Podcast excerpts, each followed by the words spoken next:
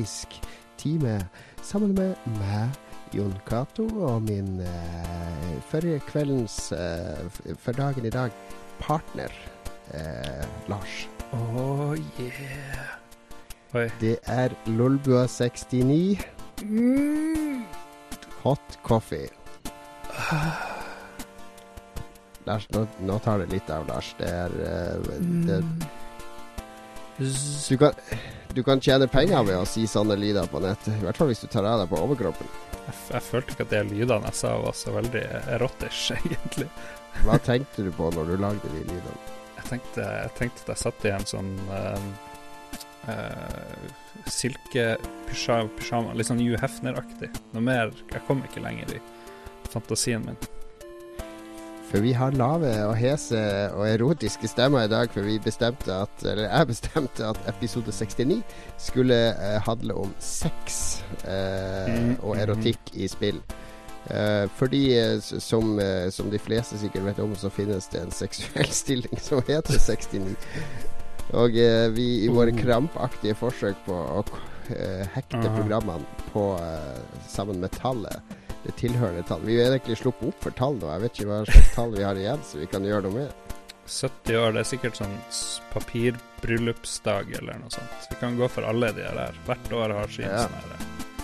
Episode 911 kan vi ha sånn her 11. september spesial. Police brutality. eller, ja. Episode 404 blir bra, for der skal vi ikke lage noen episode. Episoden blir bare feil. Episode 420, det er jo sånn marihuanadagen, er det ikke det? Det, det er mulig. Jeg kjenner ikke til sånt. Hallo? 420. Skjerp deg. 420 jeg er for gammel til å vite om sånt. Men vi er, vi, det er bare oss to i dag, er det så? Ja, og jeg føler en viss frihet bare med å være to. Jeg vet ikke ja, hvorfor. Det er litt som at vi bare sitter på Skype, bare oss to, føler jeg. Det er litt farlig, litt farlig følelse å ikke ha Magnus til å holde oss i ørene. Men Magnus hadde den han, Når vi prøvde sist program, så satt han jo i USA. Så prøvde vi å prate litt sånn eh, tulleamerikansk med han. Han nekta å svare på amerikansk. Hvis ja. du prøver å få han med å synge, han nekter å synge. Han er litt sånn Han skal ikke ut av komfortsonen mm. sin. Så kanskje trakk han seg fordi det var sånn sex spesial. Oh. Ja. Men han er jo en kåting. Vi vet jo det. Ryktene skal ha det til at han er det.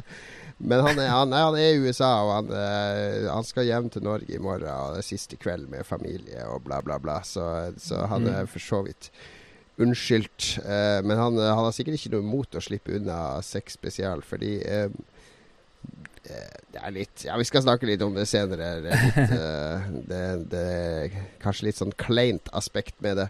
Men vi kan snakke, hva har du gjort siden sist, uh, Lars? Har det skjedd noe uh, artig du vil dele med meg og lytterne? Um, de som ser på streamen eller videoen etter hvert, kan du se bak meg er det en sofa, og i den så bor det mus. I hvert fall til deler av døgnet.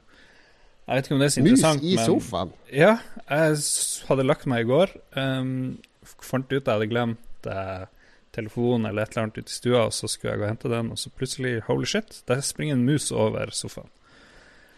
Sånn er det å bo i, i ikke inne i betongjungelen Oslo, ikke har sant. Du, har du satt opp musefelle, da? Jeg har satt opp åtte musefeller, og gjett hva jeg har uh, eh, ladda den med av godsaker. Uh, gelé?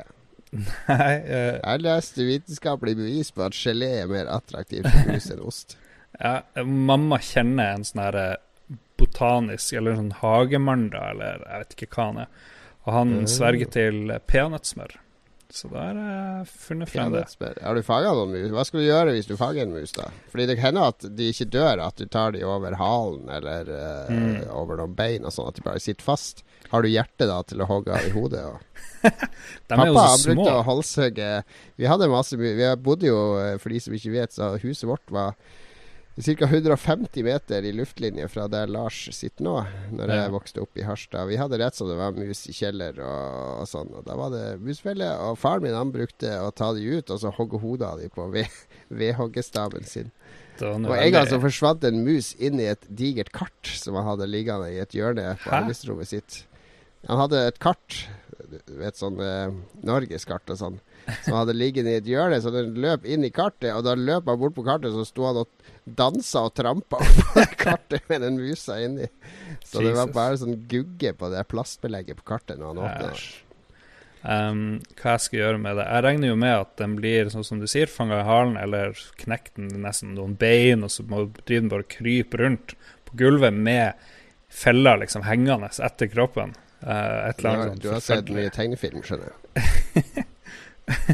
Ja, men jeg vet ikke. Jeg, jeg blir å ikke ta den ut av fella. Jeg blir å putte alt i en pose og jeg vet ikke, et eller annet. Du må jo ta livet av den, da. Det er jo bare å hogge hodet av den. jeg, Hvordan vanlige mennesker driver og hogger hodet av en mus de finner? Ja, hvorfor har du de fellene der? Er ikke det for å ta livet av skadedyrene som har invadert huset ditt? Målet er jo at den skal dø, eller først og fremst vil jeg at de skal bort, men jeg blir jo ikke å hogge og gå og finne Jeg blir jo å kutte av meg fingrene mine hvis jeg skal holde en liten, knøttliten mus som driver og spreller og skal Du liksom trenger ikke å ta den ut av musefella, det er bare å hogge hodet av den mens den fortsatt sitter fast i musefella. Eller stikke en kniv eller noe i den. Jeg leste at en mus kan komme seg inn i en åpning fire millimeter rund, eller et eller annet.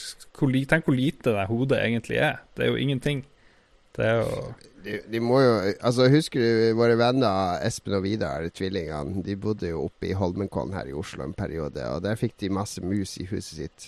ja. Og de skulle de jo fange, så de lagde sånn intrikat felle da med noe sånn pappeske opp mot en glassflaske med noe mat i, så at de musen klatra opp til den flaska, altså ned for å få maten, og så kom de seg ikke opp igjen. Og så eh, var det en morgen, da. Der kom de jo ned, Da var det tre mus oppi den der eh, flaska. Og hva gjorde de med de? Tok de og så holdt flaska under vann og drukna de, f.eks.? Nei da. Var ut, rett utfor døra, så slipper de ut i skogen. Og forventa at de da skulle løpe inn i skogen og sette pris på at de fikk beholde livet, i stedet for å løpe rett inn i huset. Nei, det er jo helt Altså, skal man jakte eller bli kvitt skadedyr, så må man jo bli kvitt de. Jo, jo, det er målet. men skal dø. Men jeg, jeg er først bare spent på om den blir tatt. Og så, er, jeg- så har jeg ikke tort å gå og sjekke i sofaen om den er der eh, fremdeles. Fordi Tør du å ligge og sove på sofaen foran skjermen, da? Nei, er du gal. Jeg har ikke vært i sofaen siden Du sovner med litt ostepop i munnen, så våkner du av noe sånn våt snute eh, på leppa. Nei, jeg, fikk, jeg hadde besøk i sted, så jeg fikk en kompis til å sjekke bak sofaputa. Har du fortalt det til mor di? Jeg har fortalt til moderen. Hun tilbød at jeg kunne sove hos henne mens jeg hadde mus. Så Mitt image det- som tøff dude, det er litt sånn i fillebiter akkurat nå. Men ja, jeg skal, Ja, sånn, jeg skal sånn ikke er det kappe av hodet. Jeg skal ikke kappe av hodet på noen mus. Det der Det blir for de tang. Jeg er sikker på både jeg og lytterne gleder oss til neste uke for å høre om det har blitt noe om musefangst. Og kanskje du til og med kan, kan uh, legge ut på Twitter et bilde av musa som du eventuelt fanger i fella. Det, det tror jeg mange gleder seg til å se. hmm. Ja, vi får se hva som skjer. Enn du, da? Er det noe liv? Du hadde vært på loppekjøring ja, som du er, hver det eneste nærmest, uke. Ja, vår, hver vår og hver høst så må jeg være med og arrangere eh, loppemarked her i Oslo. Fordi jeg har en sønn som går i korps, og det er hovedinntekten til korpset. Det koster penger å drive et korps. Alt er frivillig og dugnadsbasert. Mm. Så, eh, så det krever at jeg, henter, at jeg kjører hjem til folk og, og henter lopper da, som de har ringt inn og sagt at de vil bli kvitt. Og det er snakk om møbler og TV og Ja, vi vet, de som har hørt på. Lolbua, vet jo det her. For det her, har du, det her gjør du Ja, men det, vi har jo en del nye lyttere. eh, Så vi hadde til og med lyttere om dagen som ville ha alle de gamle episodene for å catche opp. Så stakkars han, tenkte jeg bare. Men jeg ga jo linken. Men har du funnet noen du følte hadde lyst til å ha sex med deg når du kom og skulle hente loppe? For det husker jeg var en problemstilling forrige gang du gjorde det her. Ja, det husker jeg. Det skulle jeg egentlig spart til det programmet her. Nei, det er, eh, det er Man tenker jo når man, kommer, når man er sånn håndverker og går og ringer på hos folk og skal hjelpe dem med ting, så har man jo sett scener i eh, visse filmer der, der det ene fører til det andre. Men, eh, men det er lite sånn det er, Den ene jeg var hos, ikke i dag, men det her var en annen gang jeg var henta loppe. Der, der, var det, der, der fikk jeg gleden av å møte en ekte hoarder. Det har jeg aldri vært inne hos før. Sånn som man ser på TV fra USA, vet du, de programmene med Ja, sånne ja. folk som ikke klarer å kaste ting. Og så altså hjemmene deres er bare Overalt er det stabla plastposer og søppelposer og, æsj. Og, og matrester og bøker og aviser og ting og tang. Så du har sånn sti som går gjennom søppelet bort til en Wow. stol som regel, og så en sti bort til senga. Og sånn var det inne hos det her, det her mennesket, da, som, som gjerne skulle kvitte seg med spisebordet sitt, som selvfølgelig sto helt innerst. Det var så å si umulig å bære ut det spisebordet fordi det var så mye eh, drit i veien. Oh my god. Ja vel, nå ble jeg litt sånn nysgjerrig. Burde ikke horderen bare bli kvitt masse ting mens du var der? Og... Jo, men det visstnok hordere har, eh, har et sånn eh, psykologisk eh, problem med å kaste ting, da. Så hvis du har sett på det amerikanske hoarderprogrammet, så må det alltid inn som psykologer og sånn. Og så må de drive altså, og begynne med å kaste De må velge mellom ti ting. Ja, hvilken ting vil du kaste? Og så er det sånn med tårer og sånn, så kaster de en sånn gammel kvittering fra 1993. At Det er, det er helt sjukt å se på. Men, eh, men, men han fortalte meg, han som jeg kjørte sammen med, da, for han hadde sett på uh, Sinnasnekkeren Sverige. Det har jeg aldri sett på. Jeg har aldri Hæ? sett på Sinnasnekkeren i det hele tatt. Finnes det? Ja, men Ja, Sinnasnekkeren er et sånn eh, TV-program med en sånn sinna snekker som kommer hjem til folk og ordner opp. Og han norske han er ikke så sint. Han er, litt, han er egentlig ganske blid, og så later Ja. som han er sint. Jo. Men han svenske han er ganske sint. Han hadde vært hjemme hos en sånn hoarder, og så kjelleren hans var bare helt stappa med dritt opp til taket. Og der var det så mye fukt, så det hadde gått mugg i vegger og alt sånt. Så han ble, han ble ganske sur da. Altså, hva er det du skal med all den skiten og få det ut og sånn? Så ja, nei, jeg måtte, det var så mye minner. og så han bare Kast skiten! og så bestilte han en container og kasta alt for han mens han sto der på sidelinja og holdt på å gaule. Ja, bra, bra historie. Var, var ikke vi i lag på sånn utstilling på Samtidsmuseet i Oslo, hvor det var helt er øverst. Så var det liksom utstilling om en fyr i Russland. Og han tok vare på alt, men så katalogiserte han det òg og skrev at det her er en bit papir jeg fant i sofaen i 6.2.1947, eller et eller annet sånt. Ja, han hadde katalogisert all drit han fant i leiligheta si i løpet av et år. Mm. Alle støvfnugg og Eller ikke fnugg, da, men sånne støvansamlinger Ja, støvansamlinger var alt. og en knapp og eh, en binders og Mm. ditt og løtt. Ja, det var alt mulig. Det var en veldig rar utstilling, for det var stua opp på loftet av Samtidsmuseet, husker jeg. Så det så egentlig ut som vi var inne på et sånn eh, lagerrom. Men det var litt kult. Tankevekkende som kunsten skal være. Men Jon, eh, eller George Costanza, som jeg litt får lyst til å kalle deg akkurat nå. Fikk du med deg at du kalte deg sjøl håndverker da du sa at du for skulle liksom plukke opp eh, rusk og rask, og da er du plutselig en håndverker. Jeg følte litt det samme da du drev og sang denne sangen din på VGTV, hvor eh, Ja, du drev og mimra om vi skulle ikke snakke om den der sangen på VGTV. hvor du drev og fabulerer i, i sangform, hvor du blottlegger sjela di og tenker at du kunne blitt en arkitekt eller lege. Så tenkte jeg litt sånn her George Costanza, eh, blir sånn her marinbiolog plutselig og sånn. så vidt jeg husker var det aldri aktuelt å bli lege, egentlig. Så vidt Jo, tannlege var jeg inne på en periode. Ja, Men, tannlege. eh, men det falt, falt ut. Arkitekt, da. Når kom den drømmen? Nei, jeg er glad i å tegne hus og sånt. Ja. OK, det er mye sider. Jeg bare tenkte Men, at eh, eh, nei, ja. men det, for de som ikke vet, så på VGTV Level Up Denne episoden er jo sånn episode 100. Og den ville de lage sånn musical-episode, da. Så jeg, fikk beskjed om å lage en sang. Jeg syns ikke det var så ille. Jeg syns det var bra. Jeg hørte hørt eh, Ja, jeg syns det var artig, og det var masse kleine puteøyeblikk gjennom hele episoden. da Men Ja, jeg syns jeg klarte meg greit. Jeg fant ut at hemmeligheten var å være litt ærlig òg, da. I teksten. Man må, man må by litt på seg sjøl. Man kan ikke Absolutt. bare kødde, Fordi da blir det bare sånn eh, overfladisk. Du vet hvorfor Over... Taylor Swift er så populær? Det er fordi hun deler av sine greier. ikke sant? Ja, fordi uten, eh, uten sårheten så blir ikke humoren hjertevarm. Er det ikke det det heter? Må være ærlig. Absolutt. Mm.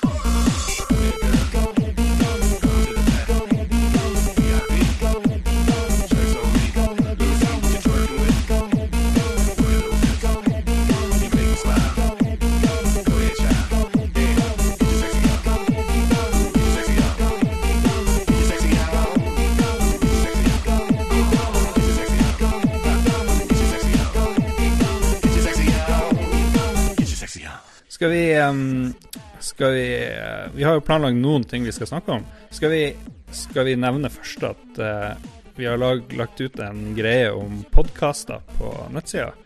Uh, Ja, det vi det, nevne det trenger vi ikke si så mye om, liksom, men uh, jeg fant ut jeg skulle lage en liten liste over eh, de podkastene jeg hørte mye på i det siste. Og så fikk man ikke, vi fikk ikke med oss alt, da. Så vi har fått Nei. mange tips om norske podkaster. Alle, alle de som har eh, kjefta på det, de skal du Ja. ta med nå. De skal jeg ta med nå. Eller vi skal ta dem med i kommentar i leserlytterspalten. Men, eh, men eh, jeg ville bare Ja, eller vi kan ta dem med nå. Uansett. Det er litt det samme. Men det jeg egentlig hadde lyst til å nevne, det er jo Jeg jeg har fått en ny favorittpodkast som ikke er på den lista. Men skal jeg liksom ta den med i neste liste vi lager, eller skal jeg liksom bare si det nå? For jeg føler at neste liste vi hvis vi skal ha det, da, om bra podkast, den bør jo enten du eller Magnus lage. For Det kan jo ikke bare være meg som uh... Ja, men det, jeg hører ikke så mye på podkast, jeg kan snakke om mine denne gangen. OK, ja. Nei, men gjør det. Så nei Bestem sjøl om du vil ta den med eller ikke. Jeg tror du må lage de podkastsakene fremover. Ja, OK. Ja. Det er ditt domene. Da kan jeg spare min nye ultra-mega-favorittpodkast til neste installasjon. Men Gjør det. Teasen, teasen, vet du. Det det er sånn triks, medietriks for å holde på eh, seere, Mm. lyttere og lesere. Ja, men det finnes utrolig mye bra. Så, men uansett, poenget er vi har lagd en liste, og den er bra, og folk kan kommentere, og det har mange gjort. Da får vi gode tips. Vi må liksom hjelpe hverandre. Det finnes altfor mange podkaster til at noen kan høre på absolutt alt. Eh, det går liksom ikke an. Så vi må hjelpe hverandre til å finne the cream of the crop, det beste av det beste. Det Men- er helt riktig. Ja, men du, leste du den greia jeg skrev da, Jon? Eh, Ja da. ja, fikk, Var det noen du fikk lyst til å høre på? Jeg syns han her Dave Lang, han der eh, liksom bråkebøtta, han er litt sånn ganske morsom. Fordi de podkastene handler ikke om noe, egentlig. Det er bare han og en annen fyr, men han Dave Lang driver og overkjører han. Han Dave Lang er sånn her spillutvikler og sånn executive dude i sitt eget selskap, eh, Iron Galaxy. Og så driver han bare og reiser rundt. Det eneste han gjør, er å reise rundt i verden, virker det som. Og kanskje ha et lite møte, men være borte så i to dager i Singapore eller Malaysia eller London. Sverige. Han fortalte mye om en tur fra Stockholm. Og så er han bakfull, og så er han kjempelang. Så han snakker masse om hvor viktig det er for han å fly business class. Det bruker han veldig veldig lang tid på å forklare. Litt som at han har dårlig samvittighet, for det koster jo Han sier jo sånn her Ja, det var kanskje litt dyrt, det var sånn 30 000 dollar for å reise med det der. Men jeg hadde aldri gjort det på det selskapet, så jeg måtte bare gjøre det. Men han er sånn kjempeærlig, litt sånn som det vi snakka om i sted, at ærlighet det er veldig interessant egentlig når du blottlegger deg sjøl. Så den anbefaler jeg. Den heter Team eh, GFB podkast, og så lurer alle på hva GFB står for. Og de har sagt at det står for Gluten Free Bread, men jeg tipper det står for Go for broke, eller et eller annet sånt, tror jeg det egentlig det står for. Ok, den er anbefalt. Ja, Det er bare ett eksempel av de som er der, da. Men jeg vet ikke hva du hører på. Men hvordan Eh, oppdager du podkaster, Lars? For du hører på ganske mye. Hvordan oppdager du nye? Har du noen steder som du finner anbefalinger, eller tester du ut sjøl, eller? Mm, det er veldig lite testing sjøl. Jeg går aldri på sånn iTunes for eksempel, og ser hva har fått masse stjerner. Men det, jeg får veldig mye tips gjennom de podkastene jeg allerede hører. Um, Ja, nettopp. Ja, det ja. skjønner jeg. Så det og den her GFB-podkasten Nei, min nye favorittpodkast, den fikk jeg tips om på eh, Official PlayStation-podkasten, som også er veldig bra. Litt sånn overraskende. Jeg ville tro at sånn offisiell eh, ditt og datt Jeg tipper Major Nelson sin podkast er ganske boring. Eh, det er ikke Ja, så mye sånn sprell. corporate podcast. Ja, han er jo Det, det, men har du hørt på noen av de Altså Level Up-casten til VG er jo veldig bra. Ja. Men, men de, de vet jo hva de holder på med. Men VG satser jo på veldig mye sånn forskjellig podkast. Har du hørt på noen av de andre? Jeg har ikke prøvd det ennå. Jeg tenker at det kanskje er litt sånn derre du, putt, du tvinger journalister til å lage noe som er hipt nå, fordi si, Ja. alle snakker om Serial en stund. ja. At det kanskje blir litt sånn kleint. Jeg vet ikke. Plutselig har det blitt kjempepopulært å ha podkast. Så det Jeg vet ikke om vi var så veldig tidlig ute. Vi er jo egentlig ganske, var jo egentlig ganske seint ute sånn med Vi må jo gi. Jostein og Radcrew den æren. De, jo, Ja. de har jo vært podkastpionerene i Norge. Ja, så vi er ikke noen ny på noen måte. Men jeg ble litt irritert nå når VG plutselig fant ut at nå skal de liksom eh, lage podkast. Men det kan sikkert komme noe bra ut av det. Det er sikkert noen som blir tvunget til å lage det, kanskje, men så har du noen som er kjempeflinke og så De har i hvert fall et veldig kult podkaststudio de har laga der jeg var, når jeg var gjest der, med, med mikrofoner og Mm. PC og alt. Så det, det, det, det ble jeg litt misunnelig. Men nå har vi jo ganske bra utstyr, vi òg, egentlig. Nå, er, nå, er det, nå har vi ikke noe unnskyld eh, på, bortsett fra oss sjøl, liksom. Når noen glemmer Ja, å ta opp. på men den, den driten får vi ikke bytta ut. ja. Ja, ja. Nei, men jeg hører, jeg hører ikke så mye på podkast. Så det er veldig få av de i den lista de som jeg har hørt på. 84 bruker jeg å høre på når jeg trener, men det er fordi jeg det er så lett å finne nyheter, eller europeiske og amerikanske spillnyheter spillbransjen. Det har jeg ganske god koll på. ja. Men det japanske er det nesten ingen som skriver om lenger, fordi de har endra seg så mye. Det er så mye mobilspill, og det er De er blitt mye mer sånn introvert, mens de var sånn veldig ekstrovert i mange år. ja. Så, så det 84 gir meg et veldig fint innblikk i hva som skjer i Japan, da. Det, det setter jeg veldig pris på. Ja, det må være noe veldig spesielt for at man skal gidde å høre på en spillpodkast. Det må være veldig veldig bra, for det finnes så ufattelig mye ut av dem. Jeg har sikkert Mm. gått gjennom en jeg vet ikke, 40 stykk kanskje, og er Ja. nå nede på en jeg vet ikke, en fire-fem jeg hører på, liksom. Så, Ja. Nei, men det som er at fire år siden, blir de prata om sånn som Monster Hunter 4 er jo jeg ekstremt glad i, og det, der, der, det, prat, kan de prate om i to timer, liksom. Og det inspirerer meg i spillinga, det. Og de har pratet mye om Bloodborne, og eh, akkurat nå har det vært sånn veldig medvind med, med kule spill de, de prater om. ja. Og eh, en annen podkast som jeg hører på Jeg hører bare på podkast når jeg trener på Elixia, da. For jeg, har, jeg driver jo ikke og pendler til jobb og sånn. Jeg har jo hjemmekontor, så jeg kan jo høre på podkast på vei fra soverommet til, eh, til naborommet. det blir det lang tid å gjennomføre én podkast. Men når jeg trener, så hører jeg på 84. Eh, eller One Life Left, som jeg hører på av og til. Det er en, det er en sånn engelsk eh, radioprogram og podkast, de er vel i sesong 11 er det, eller 30? De har holdt på lenge, da. Okay. Og det er han Ste Steve Curran som var redda i Edge i sin tid. Altså jobba som review-editor i Edge. Eh, og en som heter Simon Byron, som også har jobba både innen presse, men også for publishere og med PR, og også har laga IOS-spill sjøl. Altså det er en som heter Anne Scantleberry, som egentlig ikke har så mye eh, peiling på spill, men de var veldig tidlig ute med å skjønne det der med at uh, å snakke om Sitte og snakke om spill i detalj Mm. er ganske kjedelig, da. Ja. Sitte og dissekere spill i ti minutter på en podkast kan fort bli kjedelig. Så de, de gjør veldig narr av, uh, av spill og litt sånn hardcore spill. Ikke, ikke narr, ikke le av det, men de, han, Steve, Steve Curran for eksempel, det siste året har han bare spilt Spelunky. Så hvert program når de skal snakke om hva de har spilt, så er det Spelunky. så jeg har fortsatt bare spilt Spelunky. Ja, ja. Um, ja, de, de spiller akkurat det de har lyst til å spille, og er ikke opptatt av trippel A eller noe sånt. Så det er en veldig kul podkast. Og de, han, har vært i Norge flere ganger. Jeg tror til og med der Katarina Bøhler var gjest der nylig. Hun, som vi hadde som gjest fra Mm. Sarepta ja, med Shadow Puppeteer. Så de, han er litt sånn norgesvenn. Og kult. Um, bra podkast. Og den siste jeg vil nevne, for jeg har bare tre som jeg hører på, det er Terminal 7. Som er en del av Idle Thumbs-nettverket, det det heter. Tja.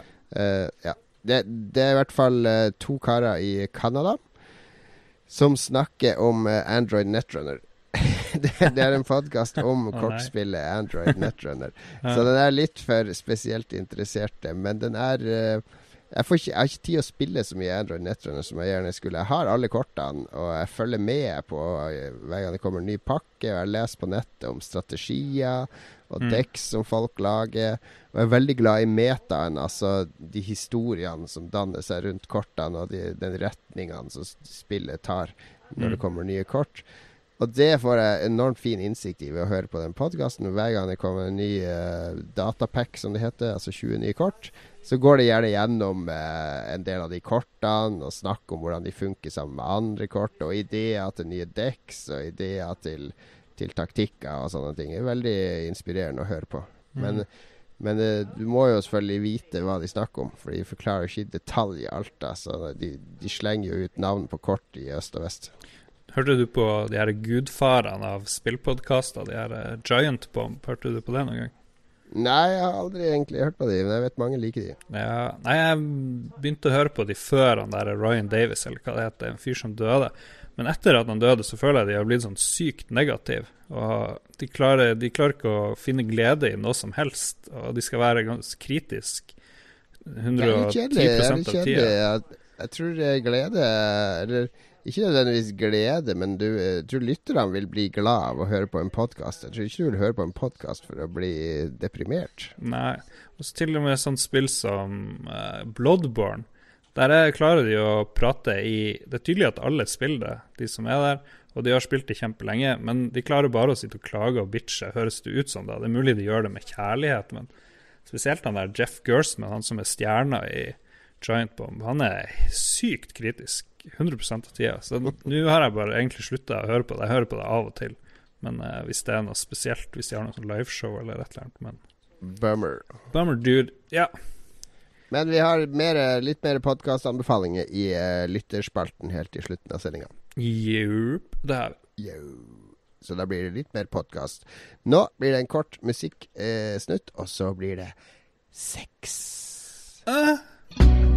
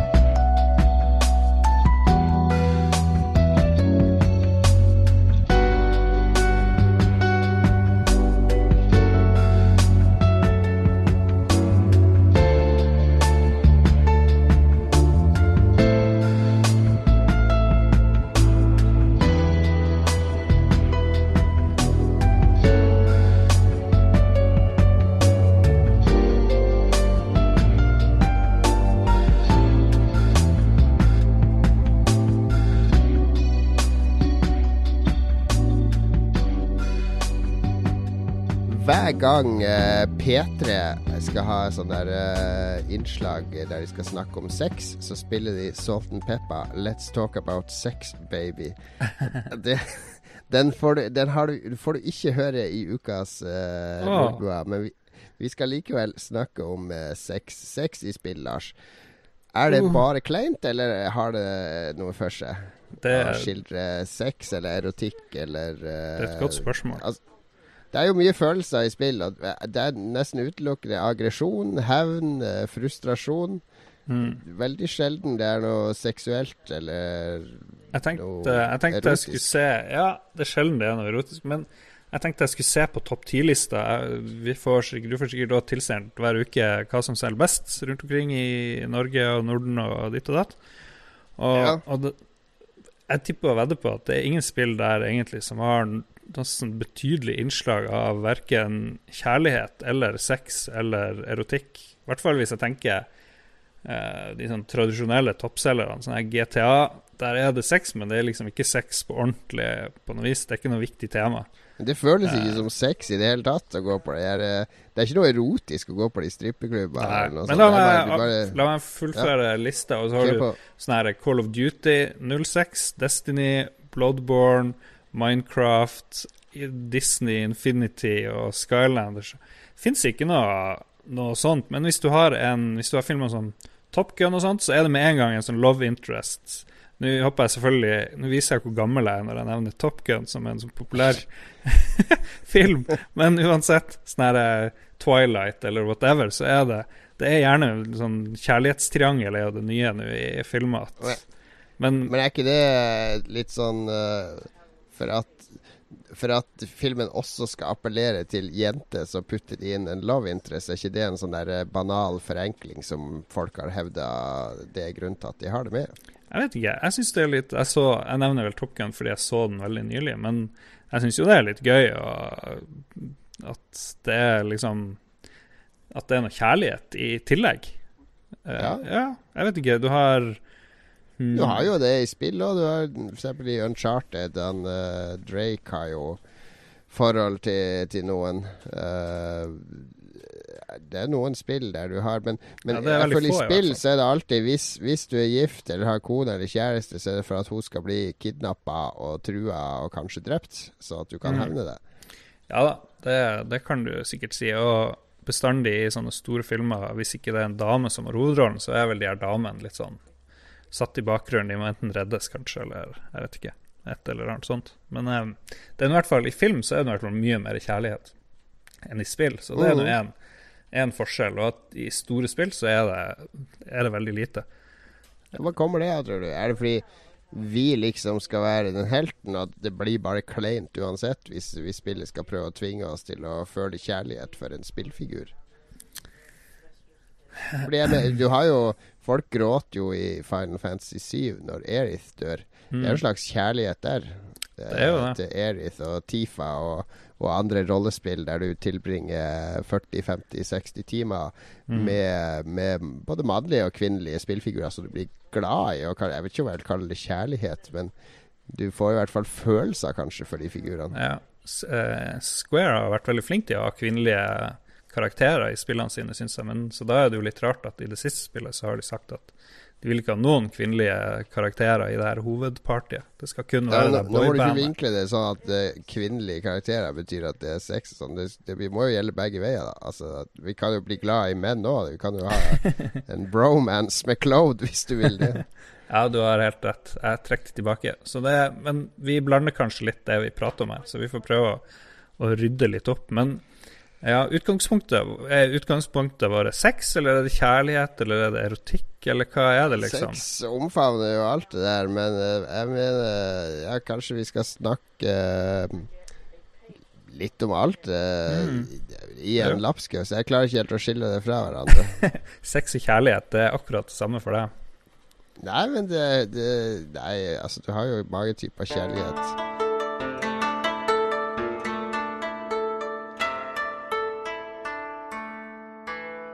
Hvis vi skal gå Vi kan gå rett til en av de som prøver seg på å skildre kjærlighet i spill, og det er jo Mm. David Cage. Og han skildrer jo både erotikk og kjærlighet. Han hadde jo sexscener i Fahrenheit, f.eks. Eh, ganske, ganske kleine sexscener. Men han har også uh, veldig mye kjærlighet i Heavy Rain, og da snakker jeg ikke om hun derre Mm. dama som står og dusjer og sånn, så der du kan uh, kikke på. Jeg snakker om han far og, og kjærligheten til sønnen sin, Ja, absolutt. eh, som, som jo blir drept, og, og hvordan han da sliter med å finne kjærligheten til den gjenlevende sønnen. Ja. Det, er, det, er, det, er, det har ikke noe med erotikk og sex å gjøre i det hele tatt, men der snakker vi om, eh, om, Mm. om ganske sterke følelser. Ja. Som jeg mener skildres ganske bra, da, fordi jeg som far klarte veldig å kjenne meg igjen i han hovedpersonen og, og de problemene som han fikk etter at han mista sønnen. Og den, ikke minst den panikken inne på supermarkedet når sønnen forsvinner i folkemengden, og du, du prøver å ta han igjen. Og jeg har vært i, i lignende situasjoner sjøl.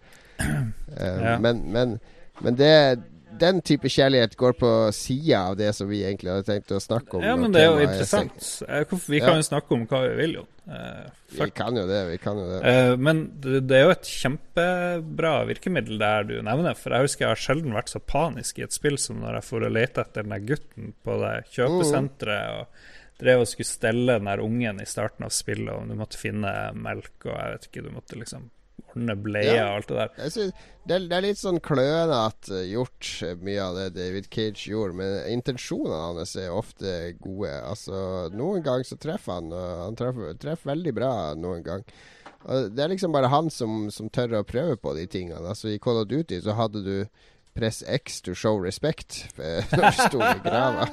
Ah, Gud. ved grava til, eh, til eh, en fyr eh, s- Mm. som ikke funka på samme måte i det hele tatt. Og i, i God of War så har du eh, noen toppløse damer du kan finne som du kan ha sex med, liksom. Det er veldig sånn Mm.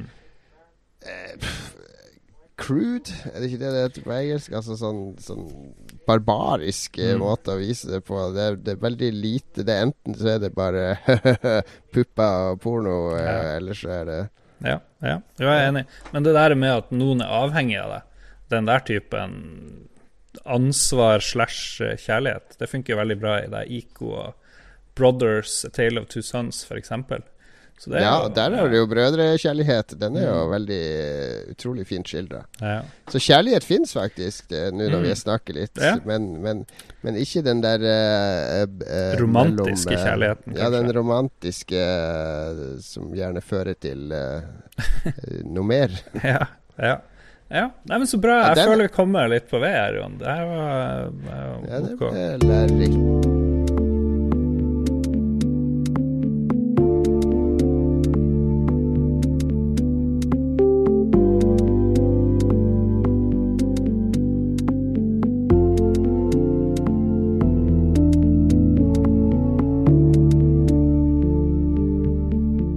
Gå over på den romantiske, altså den Det kan være mellom mann og mann og dame og dame, eller mann og dame. Eller Mm. mann og alien, eller dame og alien, hvis du spiller Mass Effect. Trans, transpersoner. Mellom transpersoner. all, alle er med her, men vi snakker om den der to mennesker blir glad i hverandre og, og eh, vil ha samkvem. Fysisk samkvem. Ja. Jeg sitter, Sønnen min sitter attmed her, så jeg må, kan ikke være så grov i språket. Ja, men hvis vi, skal, hvis vi skal gå til det her samkvemsbiten, Ja. sexen hva, hva var det første spillet du spilte som hadde noe som ligna med sex i seg? Det var jo selvfølgelig Larry. Det Var var jo no, Ja, det var, var jo Larry kom i Det var jo 87. Sex Games Ja. på Commodore 64 kom i 85, tror jeg. Ja, men det tror jeg ikke jeg spilte. Men jeg husker vi hadde noe sånn strippshow eller et eller annet på Commodore 64. Så Mm. var det sånne der damer tegna med basic-tegn som, som sto og tissa på en scene. det skjønte jeg aldri. Og så spilte jo Samantha Fox og, og strippoker og sånne ting. Men Oh, det yeah. men det var ikke så veldig sexy, men det var litt gøy, da. Du så jo omrissene og Ja, og det, det handler jo ikke om noe Ikke det vi snakker om som et slags kjærlighetsforhold eh, mellom to personer. Det, det var jo bare for å få se nakenbilder. Ja. Men, men, eh, Men Larry var det første der det liksom skulle prøve å ha samleie i et spill. Ja, eller Larry er jo basert på eh, Jeg kan anbefale et flott intervju med han eh, Al Love, som han gjorde i uh, Player One Podcast for lenge siden. Det er bare å finne lista over Player One Podcast-episoder, så finner dere Larry. Mm. Eller han Al snakker masse om Larry, og han snakker om hvordan eh, Sierra hadde et spill som var en ganske stor suksess i 81, som het eh, Softporn Adventure, som vel et av de veldig, veldig første sånne sexbaserte spillene.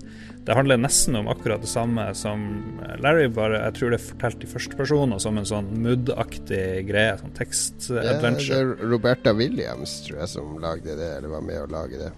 Ja, hun var ikke hovedperson, tror jeg i hvert fall. Men Det er ikke det hovedbildet på coveret òg, oppi sånn hot tub. jeg håper det. det. Jeg så det coveret i sted før vi hadde sending. Men der skal du liksom gå rundt og i en bar først, og så går du på do, og så ser du et passord og så til en klubb, eller hva enn det er. Akkurat som i Larry. Men ja, jeg har ikke spilt gjennom det Soft porn adventure, men jeg vet hvis det er like erotisk som Larry, så er det veldig lite erotisk, ja, egentlig. Ja, jeg kan ikke tenke meg Men det fins ett teksteventyr fra Infocom som heter 'Leather Goddesses of Phobos'. Der uh, du blir uh, Fantastisk navn. ja, det er, det er et klassisk uh, Infocom-adventure av Steve Meretsky, hvis jeg husker rett. Der du eh, blir transportert til en annen planet fra en bar i USA, og der det er sånn Amazon-dame og Det er sånn pulp-erotikk, da. Sånn, Mm. der, eh, som du hadde i amerikanske pocketbøker på 50- og 60-tallet. Eh, men det er ganske Det er ikke sånn het erotikk, men det har erotiske undertoner. Det kommer også mye av at det er ren tekstbasert, da. Så Ja. du lager bilder i hodet ditt sjøl. Men i starten av spillet så får du faktisk velge kjønn, og det er fordi du må tisse. Og så går du på do, og så er det 'vil du gå på guttedoen eller jentedoen'. Så hvis du går på jentedoen, så, er, så bare antar spillet at du er dame, da. Ikke sant?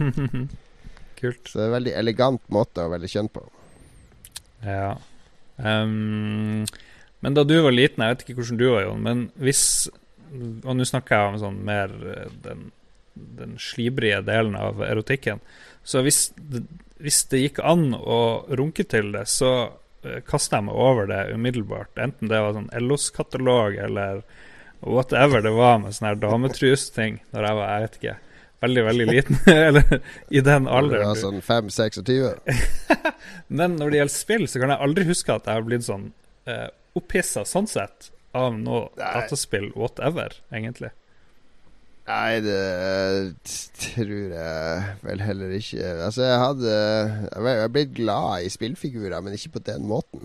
Det ble som, som en øh, karakter øh, som man syns er fin å tilbringe tid med. Men Ja. Ja. jeg, jeg har ikke hatt det på den måten med noe spill heller, som jeg kommer på. Ja, og det, jeg vet ikke om det bare var fordi at da jeg var på den alderen, så var ikke spillene så veldig realistiske i sin eh, eh, grafikk, på noe vis, liksom. Um, men nå Ja, kan man jo gjøre du- hva man vil. Ja, men Hvis vi snakker om det, den, den, den rene pornografien og sånn, så, så, er det jo også litt for at det er sånn datagrafikk Uansett om de ser ekte ut og sånn, så, så det blir liksom Det funker ikke på samme måte som ordentlig pornografi, Mm. hvis det er formålet med spillet å bli opphissa på den måten. Ja, ja. Em, men akkurat som at damer er ganske ofte dårlig portrettert i spill, så tror jeg at Kanskje ikke derfor, men det er liksom i samme bølgen, så er forhold veldig dårlig eh, portrettert i spill. Du bare hopper rett fra pornoen til, eh, tilbake Ja, til romantikken ja. Ja. og erotikken. Eh, og bare tenker høyt. Så, men er det fordi spillbransjen fremdeles er litt sånn umoden? Kanskje er det Vil vi se mye mer av det her nå, når spill kanskje skal prøve å rette seg mer mot kvinner og sånt da? Nei, jeg vet ikke. Jeg tror vi får en mye større bredde. Men det handler jo også om å finne hva slags plass Hva slags spill skal du lage? Altså Skal du lage et spill om et forhold, så, så Altså Hvis du skal lage et actionspill, så hvor mye ressurser skal du bruke på å utbrodere forholdet du har til, til kjæresten og dama? Sånn. Det blir jo som regel bare cutscenes, ikke sant? Mm. Men et spill som har gjort kanskje den beste jobben med å skildre et forhold som jeg har spilt, det var jo Drømmefall-kapitler. Eh, Hvis du spilte gjennom første episode der, så vet du at på slutten så er det sånn krangel med kjæresten. eh, Mm. Et par episoder med kjæresten i løpet av det. Men de har en sånn der um, anstrengt tone seg mellom hele spillet gjennom. Utrolig bra fortalt, da, med, med sånn undertoner. Ikke sånn i vanlige eventyrspill så blir det sånn helt sånn direkte konfrontasjoner med sånne krangler der de kaster asjetter og du er dust og sånn. Mens her er det mer sånn her eh, Det usagte. Ja. Det er sånn utrolig god skildring av et, eh, et parforhold som er i ferd med å dø ut. Ja, eh, Drømmefall-kapitler har jo noe av de beste manusene eh, jeg tror også du har sett på veldig lenge. Så det, det overrasker meg ikke at det var sånn på det er, slutt. det er jo spill som skildrer forhold. Hvis det handler om det, f.eks. The Sims er veldig flink til, uh, til det. Og et, The Sims er et spill der uh, når jeg, jeg spilte en del når jeg skulle anmelde det, men jeg spiller ikke så mye nå lenger. Men, men der var det sånn at n- jeg ville at to skulle bli sammen, altså han fyren og hun dama. Og så for jeg og la ting til rette for at det skulle skje. Og så var det veldig tilfredsstillende for meg å se hvis det klaffa og de ble Mm. sammen, og de, de, de lagde barn og sånne ting. Det var overhodet ikke noe erotisk tilfredsstillelse eller noe seksuelt, men det var en tilfredsstillelse over å, å skape et parforhold som jeg hadde lyst til skulle, Mm. skulle bli realitet. Det minner meg på eh, Vi la ut et bilde på Lolbua i dag, sånn promo til denne sendinga. Det var jo fra Mass Effect, hvor du kan ha et eh, homofilt eh, kjæresteforhold hvis du vil det. Og jeg husker jeg prøvde å bli i lag med ei dame der, um, men jeg klarte det ikke. Jeg ble plutselig Plutselig flørta jeg litt med ei annen dame igjen, og da ble jeg plutselig i lag med henne. Du du prøvde å bli sammen med alle damer. Jeg var kanskje litt horete, eh, må jeg innrømme. Men der var det veldig vanskelig. Der var det ikke sånn som i The Sims at du kunne liksom prøve så veldig. Det var mer random, følte jeg, det her Mass Effect. Og litt sånn en ettertanke. Det hadde aldri noe sånn veldig mye å si egentlig underveis i spillet om du var i lag med noen eller ikke. Kanskje bitte, bitte litt, men liksom Det var, det var mer en sånn gimmick, følte jeg nesten. Ja, det var litt spennende å prøve å få til, for man vil jo se hva som skjer. Mest det. Jeg er nysgjerrig på hvordan de har skildra det. Ikke det at det er så utrolig erotisk eller noe sånn der um, Nei, men det kunne jo vært viktig Intimt. for handlinga, da. Det hadde vært gøy. Ja, det kunne det vært. At du Men da måtte de fått spilleren til å genuint bry seg om den personen de klarer å få til sengs, sånn at det har en effekt om, det, om, om noe skal skje med den personen etterpå, eller Men man trengte jo ikke få dem til sengs. Man er jo glad i sånn som vi har snakka det er Brothers og ditt og datt. Man er jo glad i dem Ja selv om det ikke har noe med det å gjøre. Så hvis spillet klarer å kultivere et forhold hvor du bryr deg om noen, så er jo det helt fantastisk, egentlig. Men er alle sexscener i spill kleine i utgangspunktet? Er det her liksom det vi skal Der vi skal runde av, liksom? Er det det store spørsmålet? jeg husker noe du sa Det er mange år siden, Lars. Men jeg har eh, De som kjenner meg godt, de vet at før så hadde jeg sånn klisterhukommelse. Vi gikk under kallenavnet Gestapo fordi jeg huska alt. Alle dumme ting som folk sa for mange år siden, kunne jeg dra frem.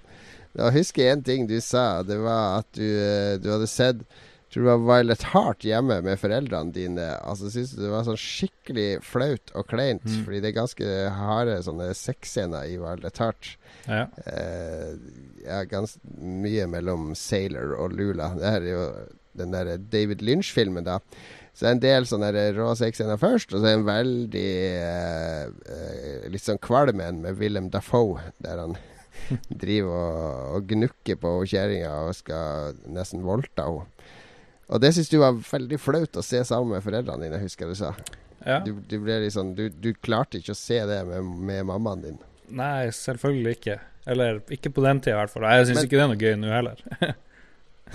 Nei, men her, er det Er sex så, sånn tabu som man skal oppleve alene, eh, eller er det ikke Jeg tenkte det kanskje kan ha relevans til det vi snakker om nå. Mm. At når du skal oppleve det i et spill, så blir det bare kleint, Fordi da, da ser du ikke på Du forholder deg ikke til de du ser på som ekte personer, og sånn, mens når du ser på Violet Heart, så føler du at det er ordentlig det du ser på skjermen. Altså Når du skal se det på spill, så, så er det bare tullekarakterer, og så blir det sånn kleinhet ut av det. Det er i hvert fall ikke så veldig stilig i den her strippescenene i Grand Theft Auto 5 og sånt. Det, det ser jo bare teit ut, egentlig. Absolutt. Ja, så jeg, jeg er litt med på det du sier der. Men klarer du å gå på net, til neste program, da kan du ha mor di på besøk, og så går du på strippeklubb i GTA mens mor di ser på? Hadde det vært like flaut som å se Violet Heart med mor di? uh, På ene sida så er det jo legitimt å se det i Violet Heart i en kritikerrost film, men jeg tror hun hadde syntes jeg var, hadde vært scum of the earth hvis jeg satt og kasta ut dollarsedler i GTA 5 og jubla.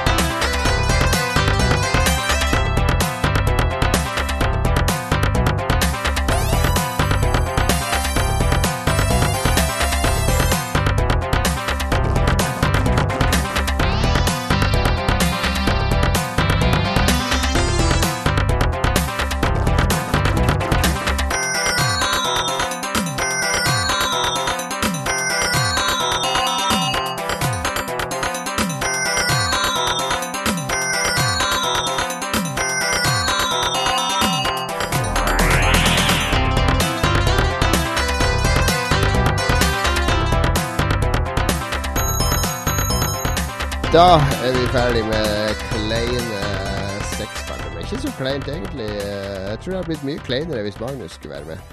Ja, han har jo ikke hatt sex, det er jo derfor han ikke er med her i dag. Ja, det var krav for å være med i denne episoden, så da, da fikk vi av, avslag fra Magnus.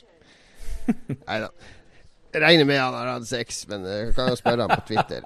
Send han en melding til at Magnus Tellefsen og hør. Ja. Vi har, du har laga en ny spalte i Magnus sitt fravær, for det er han som pleier å ta seg av nyhetsspalten. Og du vil ikke bare ta den fra han, så da lagde du en egen variant i stedet, så Magnus ikke skal føle seg krenka. Ja, du er, du er veldig nært. Eh, Da du var borte sist, og kun jeg og Magnus eh, var med, eller hadde vi en gjest? Jeg husker ikke. Da hadde vi i hvert fall Ja, det var da vi snakka med uh, Oldboy-gjengen. Du glemte at uh, Oldboy-gutta var Jeg glemte det nesten. Da prøvde vi oss på en ny spalte, en ny vri på nyhetsspalten vår. For den var litt sånn Den kunne forbedres. Så da eh, fant vi ut at vi skulle ha nyhetsduell. Da setter vi to nyheter opp mot hverandre, og så finner vi ut hva er den beste eller mest interessante nyheten. Eh, så vi kan liksom eh, være Så vi får får mye. bare Men, prate om én av den. hæ? Så vi får bare prate om én av de to som duellerer. Nei da, vi kan prate om hva vi vil. Men uh, det blir en liten sånn Det blir en annen dynamikk i stedet for å bare lese opp en uh, nyhet. Så får man satt ting litt i perspektiv. Og, fordi jeg prøver å sette litt sånn lignende nyheter opp mot hverandre. Så får vi, får vi mer overblikk om hva er egentlig de viktige tingene som har skjedd eh, i det siste. Ok, ok. Det hørtes ut som en uh, veldig bra teori. teori. Ja, Men uh, ja, jeg er glad for at jeg får være med på den spalten. Kjør i gang.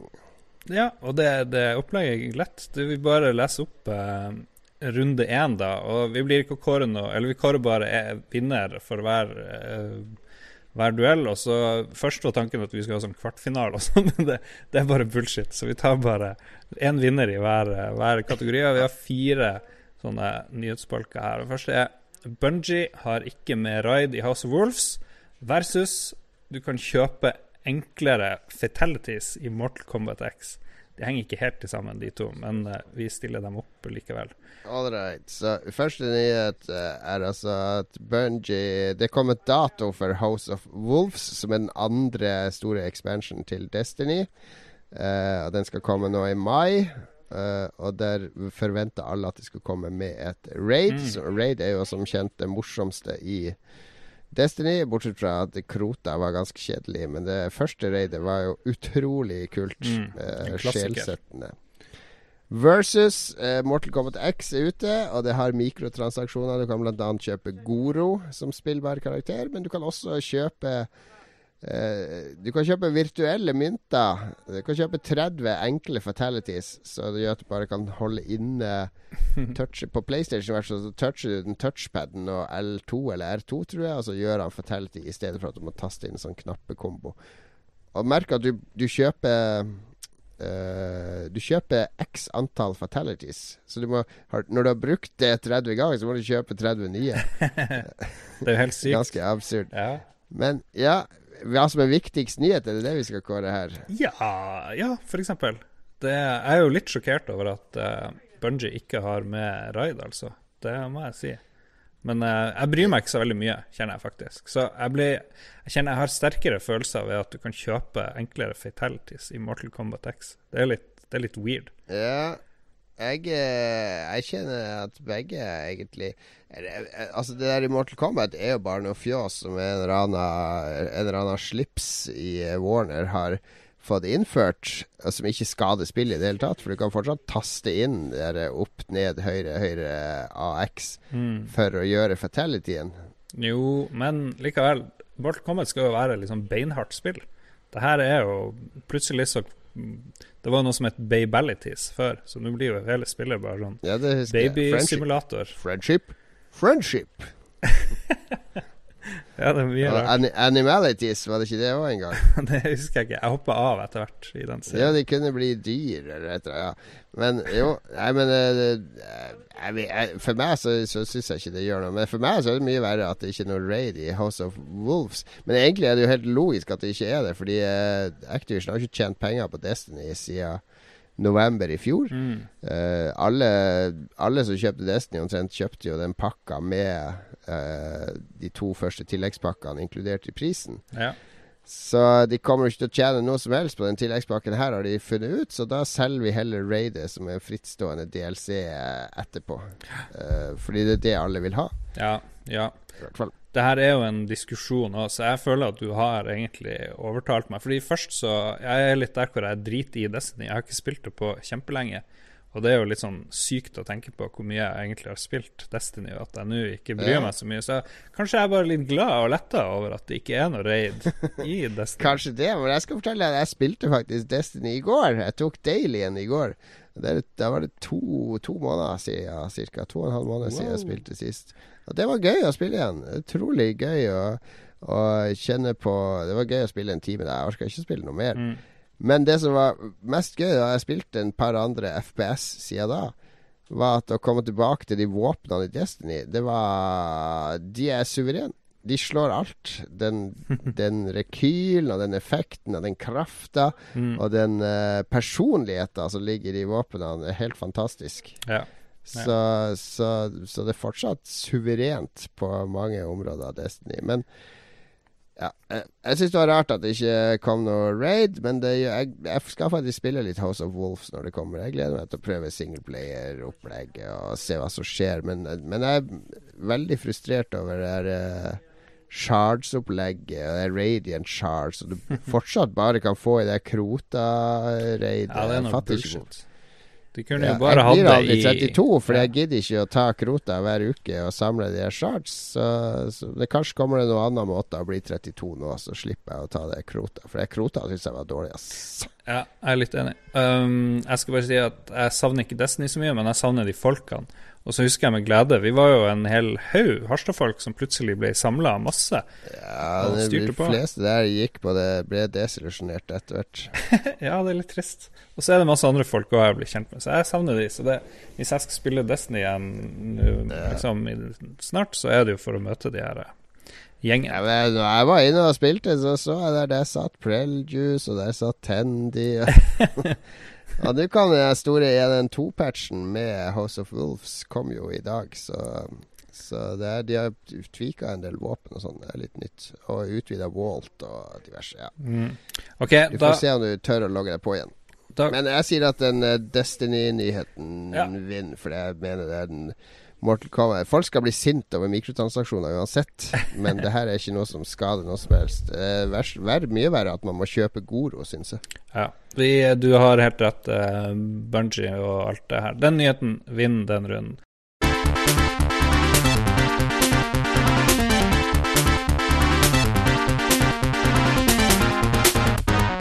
Eh, andre nyhet, eh, andre to nyhetene vi skal diskutere, er at Rock Band Live er presentert. Har FMV, eller videoscener, ikke dataspillgrafikk, nesten, eh, og har også en ny gitar. Versus DU6 Mankind er også presentert.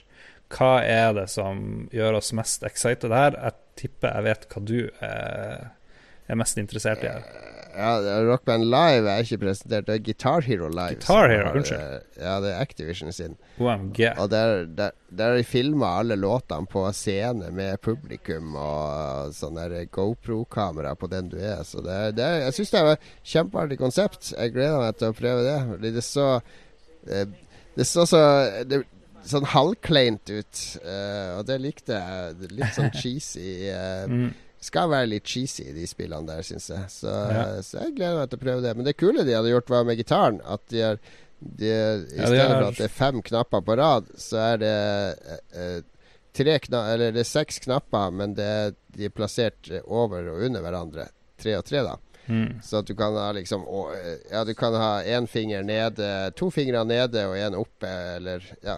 Det blir sånn kombinasjon av at du skal trykke på knapper som er på øvre rekke eller nedre rekke. Det blir litt mer som å ta ekte grep Og så tror jeg det også Ja, er mye større for å få senebetennelse òg med den nye gitaren. Kanskje, kanskje. Men jeg syns det var en artig påfunn. Så jeg applauderer Activisions inntak. Selv om jeg er rockband-fan de luxe. Jeg gleder meg enda mer til Rockband 4. Jeg trodde det her var det som var Rock Band 4, men ja, så mye leste jeg på Nei, det. altså Harmonix er totalt in independent nå. Altså Rockband 4 tror jeg er et team på tolv mann, eller noe sånt. Så Mm. jeg tror ikke de har råd til å leie en hel scene og spille inn eh, 40 låter med fullt publikum og sånn som de har gjort der. Ja. Eh, men vi vet jo at det kommer en ny Deus Ex, og de har vist en liten trailer som ikke De visste ikke noe gameplay, men jeg syns det forrige Deus Ex var ufattelig stilig, så jeg er ganske excited for oss det spillet.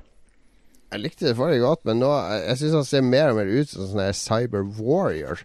Og ikke eh, en sånn der hacker, snik uh, Det er jo sånn metallmann, sånn der Metal Gear Revengeance, minner det meg mer om enn en Deus Ex. Ja, kanskje. Kanskje. Um, vi trenger ikke gnukke så mye mer på de to nyhetene. Um, jeg er litt usikker på Guitar Hero vant. Hæ? Guitar Hero vant for min del, fordi de Mm. gjorde noe som jeg ikke klarte å forutse at de skulle gjøre. Nemlig det live og ekte bilder av skuespillere og sånn. Ja, jeg er, litt kritisk til den nye gitaren. Jeg tror det blir noe jævla slit å drive og trykke på de knappene. Og jeg, jeg vet ikke om jeg er klar for ny, nytt gitarspill. Så jeg tror jeg må la Deus X vinne, selv om jeg er sikker på at de fleste er mer interessert i Guitar Hero-nyheten. Så der ble det dissens i juryen. All right. Ja.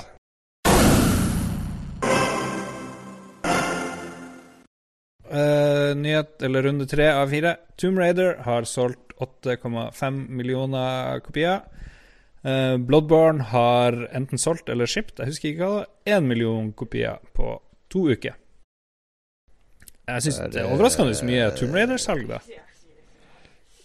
Ja, men det er PS3, Xbox 360, PC, PS4, Xbox One summert opp på i løpet av to år, eller noe sånt. Ja, ja. Men ja, det var jo favorittspillet mitt, nesten, det vi får i 2013-12, eller Ja. vet hva det var. Så det var konge. Jo da, det, det er bra tall, det. Også, Men det er også eh, veldig imponerende at Bloodborne har solgt én mill. på en måned. Siden, ja, ja, det er jo snart to måneder siden lansering. Det er et japansk eh, spill eh, som ikke akkurat er mainstream, egentlig. Nei da. Det er kongespill. Det er helt vilt. Mm.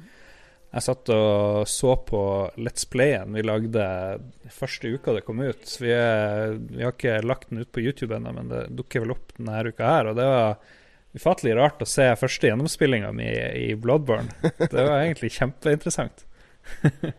uh, Bloodborne, altså. Litt av et spill. Men um, ja, Bloodborne er nyere. Vi er veldig glad for at det har solgt en million. Jeg tror kanskje den nyheten vinner denne runden, altså.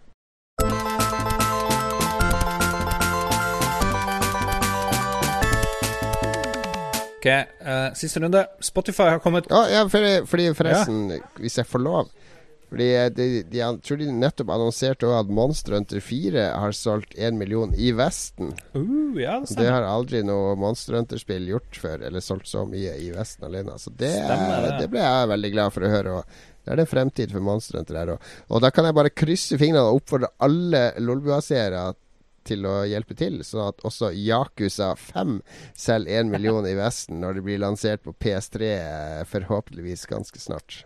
Hvem i Guds navn gidder å spille PS3-spill nå? Det er bare fattige unger i India. spille Jeg var i ferd med å pakke ned min PS3 Ja. da Sony på der PlayStation Experience, eller når det var, sa at de, skulle sørge for at Yakuza 5 kom ut i Vesten. Da det, det skal spilles. Det er en av mine favorittserier noensinne. Kommer ikke det til PS4 i det hele tatt? Eh, eller var det PS4? Jeg Jeg tror tror, jeg, tror det er PS3. Hæ. Det er i hvert fall eh, et som har vært ute i Japan et par år. Ja vel. Ja vel. Ehm, nei, men det var bra. Da ble det en three-way-nyhet der i stedet. Um, mm. Siste runde, da. Spotify har kommet til PS4 versus Heartstone har kommet til Android og Apple-telefoner. Ja, det er veldig kult med Spotify på PS4. Jeg brukte det her om dagen til å vekke sønnen min, for han sov oppe i tredje etasjen der PlayStation står ute i stua. Så satte jeg på litt John Zorn og Naked City der. Det er bare å google John Zorn med Z, Naked City.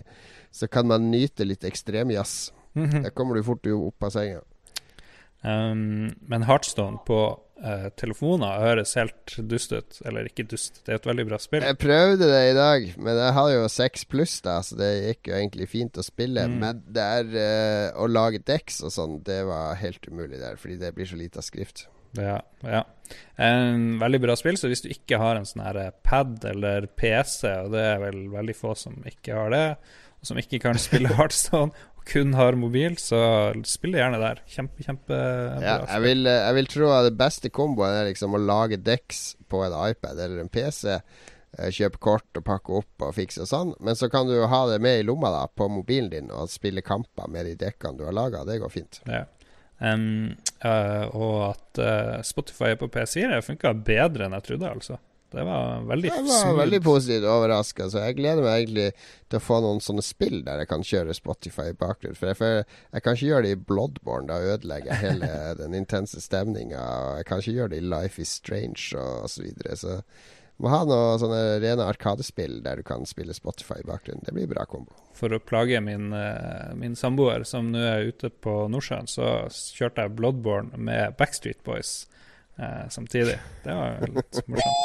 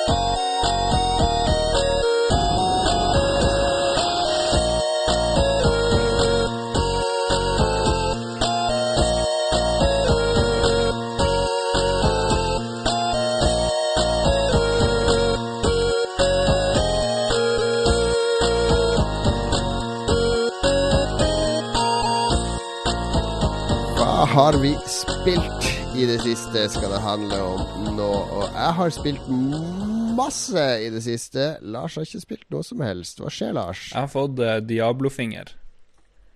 Hvis du vet hva det er. Diablo-finger på tommelen? Mm, På pekefingeren. Jeg spilte et uh, Det her er utrolig flaut, men vi skal jo være ærlige. Så jeg hadde et skrattspill som het Tap Titans, hvor meninga Det er akkurat som Cookie Clicker. og, det, og det har gitt meg jævlig vondt. Eller nå er det bra, da. Nå, for nå har jeg ikke spilt eller gjort noe på en uke. Men det var helt sykt hvor vondt jeg fikk i den jævla fingeren. Og vi kjenner jo den nyheten om han fyren som rev av scenen. Jeg vet ikke om det er sant fordi han spilte så mye Candy Crush. Men jeg tenkte hmm, han der eh, med, har jeg medfølelse med. For det, det gikk ikke så Er du sykemeldt sjukmeldt fra jobb da pga. den Nei, fingeren? er du gal? Jeg er aldri sykemeldt, bortsett fra når jeg er sykemeldt. Men det er jeg ikke nå. Det- jeg, jeg tør jo ikke det. Det blir for flaut å dra til legen og si at det eh, Så du er, du er uh, spillpause, da? Ja, men det ga meg en idé. Jeg har jo en legevenn her, og han har veldig lyst til å være med, tror jeg. Eller ikke veldig lyst, men han kunne tenke seg å være gjest hos oss, lege. S- er det han Espen? Nei, nei ikke. Det er en som heter Kien eh, Krogstad. God, eh, god venn her. Um, okay, okay, okay. Nyutdannet lege. Yes, nei, men kan det, vi kan ha en del sånn medisinspesial Ja, en gang. medisinsk. Når det kommer et sånn her Eller ikke bare medisin. Han er veldig en veldig dreven spiller. bare. Siden han er lege, hver gang han spiller skytespill der du bare kan stå bak en vegg og få helsa tilbake, så bare han bare «Åh, dette, det, her, det her er ikke realistisk. Det her orker jeg Men, men en. Kanskje han kan snakke om Surgeon Simulator? Ja, men han trenger ikke bare prate om det. Men det han kunne prate om eh, Eller det jo, vil jo være å putte han litt i bås. Det blir som å hente inn en kvinne og bare snakke om kvinneting. Å hente inn en lege og bare snakke om legeting blir kanskje litt irriterende. Men dataspillere er jo utsatt for litt sånn sære medisinske conditions, tror jeg, sånn som Diablo-finger. Og så vet jeg at de på The Gathering De har fått noe som heter hobbitfot, for de har sittet i ro så lenge at foten begynner å svelle ut. Kanskje det finnes noen flere kule sånne spillsjukdommer vi kan snakke med om. Så det får vi tatt i. Det gjør nok det. Men du har ikke spilt noe som helst? Ingenting å dele? Eh, Nei. Jeg har spilt uh, Peggle eh, Rush, eller hva det heter, på telefon, så vidt.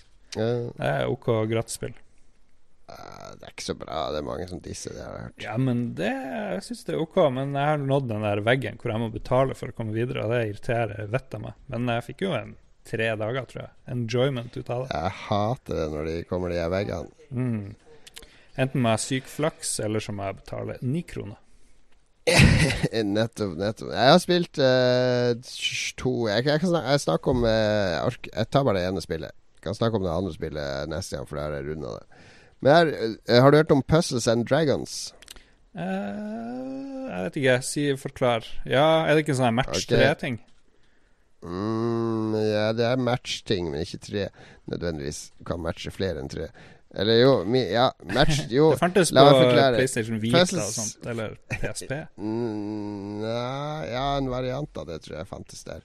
Det, er i hvert fall det mest eh, Det største mobilspillet i Japan. Jeg tror 35 millioner japanere har lasta det ned, og nærmere 100 millioner på verdensbasis. Det er giga, giga, giga. Det er liksom Japans uh, Clash of Clans, kan du si. Uh, Jeg tenkte det, på Puzzle Quest, beklager. Det er jo noe helt annet. Nei, det er noe annet. Det er noe annet. Men du, er, du, du har ganske rett likevel. For det det handler om her, er at du eh, har noen sånne små monster som tilhører forskjellige elementer. da Så setter du sammen et team bestående av fem de, og så skal de inn i en dungeon. Og Der møter du monster du må bekjempe, og da blir nederste halvdel av skjermen blir eh, som bejeweled og sånn. Altså kommer sånne games i forskjellige farger. Som du da skal matche tre for å lage attack i det elementfargen til de tre juvelene. Og det høres jo helt banalt og kjedelig ut, og som tusen andre spill, men det er um, Jeg spilte det Det er jo gratis, da. Så jeg spilte det et par-tre dager og tenkte ok, det her er bare som alt annet. Men så skjønte jeg at det ikke var det. Og det er et par grunner til det. For det første så er det sånn at du må breede de monstrene og fusjonere de og gjøre de gradvis sterkere for å klare å ta sterkere og sterkere dungeons. For det er online òg det spillet, så hver dag hver uke så kommer det sånne dungeons som varer en uke, der du kan vinne sånne eksklusive ting og eksklusive monstre og sånn. Uh, så det hele tida skjer ting i spillet da som gjør at du må vende tilbake. Men jeg trodde ikke det det, liksom- fantes i Norge, det spillet. Jeg har leta etter det før. Jeg, jeg kommer til det. Du må fusjonere ting og få de opp og, og fram, og sette sammen team. Eh, fordi monstrene også, etter du har gjort så og så mange matcher, så får de en sånn power så du kan aktivere én gang fram til du har eh, matcha games så og så mange ganger igjen. Som kan heale deg eller angripe og sånne ting. Så du må ha de rette monstrene i de rette dungeonene. Og det andre jeg fant ut, var at i, i alle sånne spill, Candy Crush og sånn, så er det sånn at du flytter enten en til høyre eller en opp eller ned eller til venstre. Eh, du bytter plass på to, da, og så oppstår noe. Mens her så kan du velge en game, og så kan du flytte den så langt du vil. Mhm. Eh, du har liksom fire sekunder på deg eller noe sånt for å flytte den et sted. Og når du flytter den bortover, så dytter han gemmen du flytter han over, blir da dytta bak. Jeg Så skjønner du ingenting. lager Men ja. La, jeg, må se, jeg skal Du kan Jeg kan ha et game spredd utover hele bordet, eller brettet, så kan jeg flytte en game sånn at han dytter andre games i samme farge i en rekke, da. Så jeg kan lage femmerrekke ut av ingenting, og trerekke. Og når du skjønner det her, at, at du kan flytte den gamen så langt du vil ved å flytte fingeren din gjennom rutenettet og dra den bortover og manipulere de andre gamene. Du kan flytte masse gamer på ett trekk ved å la den gamen du flytter, dytte de. Så blir det noe helt annet enn Bejeweled og Candy Crush. Du får en helt annen taktisk dybde i hva du kan gjøre. Og så må du tenke på hvilke monster som er der oppe, hvilke element de er svak mot. Hvordan kan jeg flytte de gamene jeg har nå, for å få mest mulig angrep mot de. Og da, da ble jeg Det var sånn aha-opplevelse, så nå spiller jeg det flere ganger hver dag. Uh, det har sånn stamina-greier, da. Så at hvis du sitter i to timer og spiller, så er det liksom utslitt, så må du vente to timer før du har stamina igjen. Men jeg spiller en dungeon her, en dungeon der, en dungeon der. Det har aldri vært noe problem med at stamina går tom. Jeg har aldri brukt noe som helst penger i det, selv om du kan kjøpe sånne gems som gir deg nye egg og monster. Mm. Men det får du hele tida. Altså det, det tørker sikkert opp etter hvert, men det gjør meg ingenting. Det er, det er, helt briljant. Eh, Men det fins ikke i Norge, da. ja, Så, what the fuck? så Hvorfor ikke, liksom? Det er jo helt vilt. nei, det, det er fordi det er online, og de skal sikkert ha servere for hvert land eller et eller annet sånn dumt.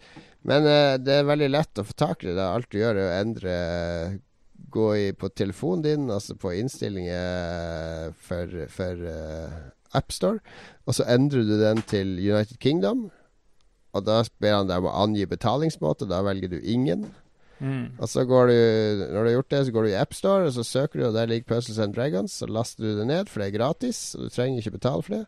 Og så går du tilbake til innstillingen og velger at du er i Norge igjen, og legger tilbake kredittkortet ditt, eh, ditt inn da. Og da kan du bare spille det så mye du vil. Uh, life hack. Et, et Ja, men det er det sånn der iPhone-hack for å få tak i gratisspill. For det er et problem hvis spillet koster penger, for da må du ha et betalingsmiddel. Mm. At du får ikke registrert et norsk kredittkort på en UK-konto. Men hvis du bare skriver at du ikke har noe betaling, så, så er det greit. Jeg lurer, på en ting. Er det tidsbegrensning når du driver og skal flytte de her gemmene dine rundt omkring? Eller kan du liksom planlegge det? Ja, når du begynner å flytte den, så har du liksom fire sekunder på deg. Ja, men plan kan du legge i forveien og bare En plan kan du, du kan legge en slags plan i forveien. Så det er det som begynte å klikke. Jeg spilte en uke nå, og det er det som begynte å klikke hos meg for tre-fire dager siden. At nå klarer jeg konsekvent å lage sånn komboer der jeg klarer å matche eh, den gule fargen med fire og den grønne med tre rett under, fordi jeg ser eh, hvilken løype jeg kan flytte den gamen i for å få til optimale komboer. Mm. Og det, og det har veldig mye å si. Er Utrolig sånn balanse i den dungeonen det går i. Der med at ok, de monstrene angriper om to runder. Da går nesten all hitpointsen min bort. Hvis jeg får bort det monsteret nå, så kan du targete det monsteret og så flytte en game og angripe det og få det bort. Og så sparer du en sånn heal-effekt og masse, masse taktikk i det. Det er helt annerledes enn Candy Crush og alt mulig sånn. Så det, det anbefales varmt alle å skaffe det. Jeg skal ta og skrive opp den oppskrifta for å få tak i det på, i podkasten her. Bra, bra, bra. Nei, men kult. Da Jeg trenger jo alltid å ha et sånt gratisspill liggende. Um, men jeg har sletta det. prøv det, for det, det er så stort i Japan at Nintendo har jo inngått samarbeid med de her som, som lager det her. Så det kommer en Nintendo-variant av Puzzles and Dragons nå ganske snart på Mhm. 3DS. Mm. Uh, og den skal også komme på mobiler i Japan, en variant av den, med Nintendo-figurer i en sånn egen Puzzles and Dragons-variant. Oh my god. Så, så det, det er gigasvært der borte. Og det er en grunn til det, og det er at det er faktisk bra. Jeg har sletta det spillet som ga meg Diablo-finger. Og siden jeg ikke kommer lenger i Peggle Rush-driten, så må jeg ha noe nytt. Så der skal jeg prøve med en gang vi er ferdig her. Do it. Do it.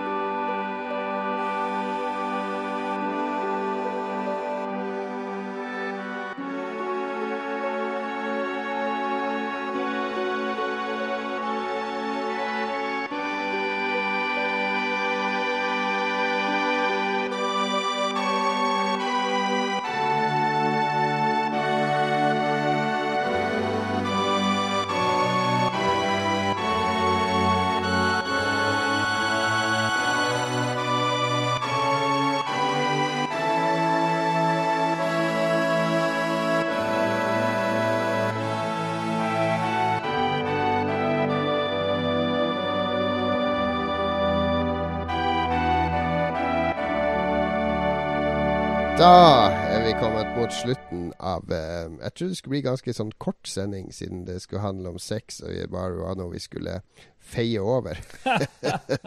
Veldig kjapt. Men, eh, men nei, det ble, ble Vi hadde mer å si om det enn jeg hadde trodd på forhånd. Mm. Spesielt siden vi ikke har skravlebøtta fra sør med. Ja, du vet, den der uh, Tellefsen-familien uh, har blitt uh, stor på det etter at Arve Nei, hva heter han? Fiolinisten ble så kjent, så hele familien tror de er superstars. Superstars borti Florida. Vi har i hvert fall én superstar i Lolbua, og han sitter i Harstad. Og hver Lolbua så sitter han og gleder seg, koser seg, for nå er det snart min spalte, tenker han. Nå skal jeg, jeg ta over, nå skal jeg herske lufta.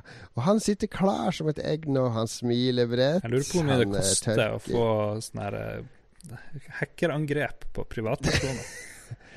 tørke brillene sine, rense halsen, for nå er det han som skal lose oss fram mot eh, slutten av eh, ukas podkast. Han heter Lars, og han leder Lytterspalten. Ja, OK. Det er en nedtur å starte denne spalten etter at du skal drive og kødde sånn jævlig. Jeg kødder jo ikke. Hvordan skal jeg introdusere deg? Skal jeg introdusere deg som en wrestler, liksom? Ja, det har vært In the left Ja. corner. OK, Jon Cato. Vi skal jo liksom eh, Det skal være lytterne sin, sin stund, så, så ved, å roe det ned, så er vi litt sånn ærbødige overfor de, føler jeg. Ja, men du Ja, prøv, prøv igjen. På nytt. Ok, Men- jeg skal prøve igjen neste uke. Ehm, vi har fått tilbakemelding hovedsak om to ting. Eh, folk som har foreslått podkaster, og de har snakka litt om sex. Eh, Folk som har foreslått sex. folk som ønsker sex. Eh, først så fikk vi absolutt ingen respons. Jeg tror ikke vi har fått noen gang så lite respons på et lytterspørsmål, så det tyder på at sex er kanskje ikke så greit å snakke om. Ja, det vi snakker om, var litt kleint. Mm. Kleint. Det er det. Men eh, vår eh, mest trofaste lytter, eh, Jan Christian Hegel, han har eh, kasta seg ut i det og sier at sex og erotikk er bra å ha med når det blir gjort bra. Som i Witcher 2, sikkert 3 og Dragon Age Inquisition.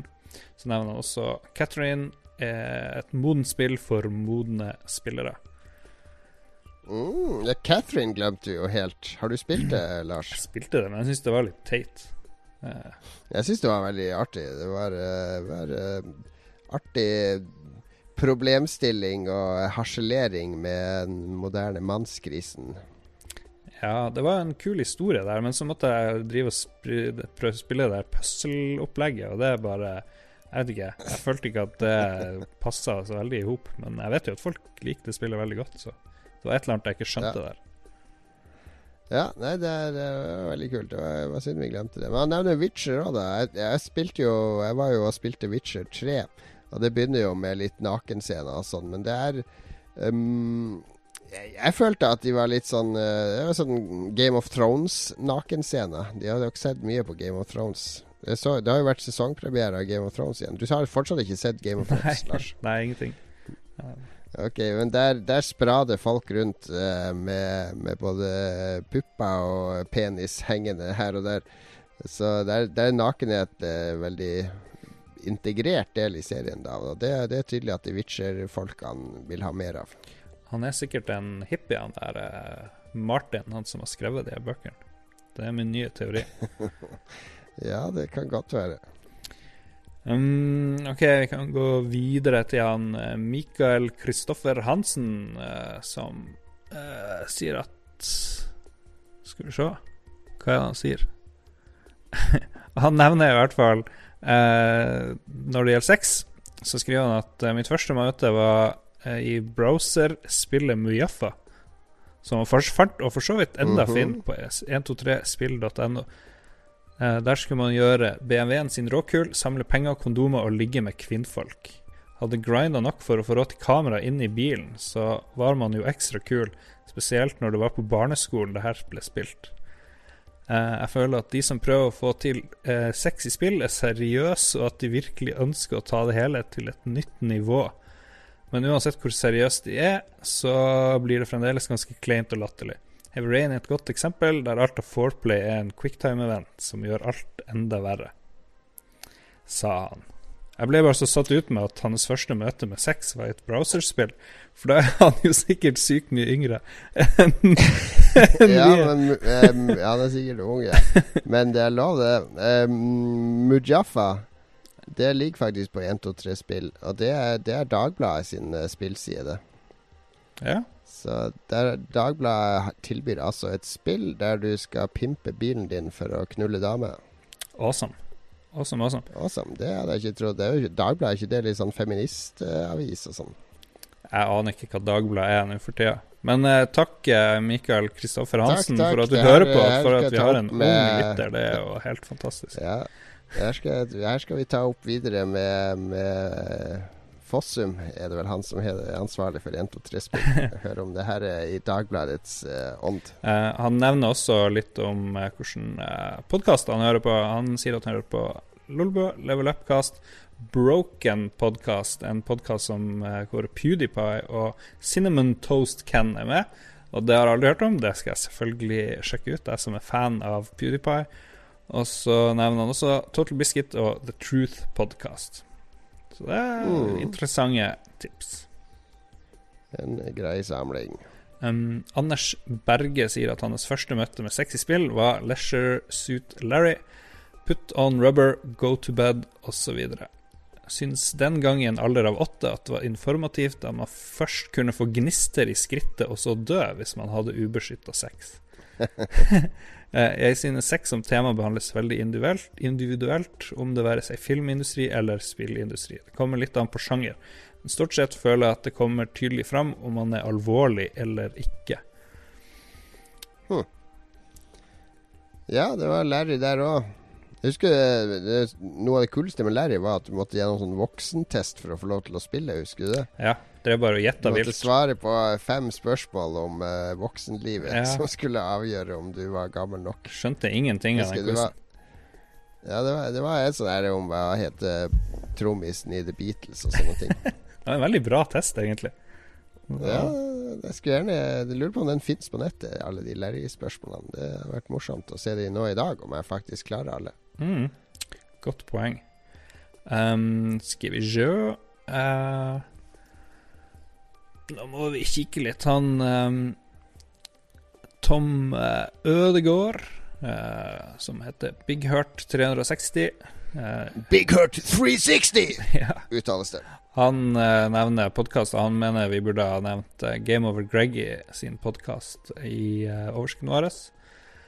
Um, og så sier han at han så vi nevnte Beyond. Det er jo en sånn IGN-podkast også ble nevnt, men han syns ikke de er noe bra lenger. Det var der han her Greg Miller var med før. Uh, vi bare pløyer gjennom uh, podkastforslagene her, egentlig. Uh, du får bryte inn, Jon, hvis du har noe å legge til. Ja, nei, jeg, jeg har sagt alt jeg kan om podkaster. Ole Jørgen Øverby sier at uh, alle podkastene fra Nerd Alert er et must. Der finner vi Nerdcast, Tankesmie og The Ellen Smithy Show. Og det har jeg tenkt å sjekke ut. Det er en liten miss at jeg ikke har eh, gjort det. Aha. Eh, Eirik Berntsen sier at det var mye på lista vår som vekker interesse, for han er Giant Bombcast, en av ukes store høydepunkter. Kan også anbefale Retronauts for de som liker retrospill og spillhistorie. Han skriver enda mer, og det kan folk lese på eh, Facebook-sida vår på posten der vi la ut eh, adresse til den her artikkelen vi driver og indirekte nevner. Eh, og så Robert Carstensen sier at han skal sjekke ut noen av tipsene våre, og så nevner han The Co-Optional Podcast med Total Biscuit, Jesse Cox og Dodger pluss gjest. Og Den skulle gjerne vært på lista. OK. Og så Frank Tore Johansen, som vi vet er en podkastekspert.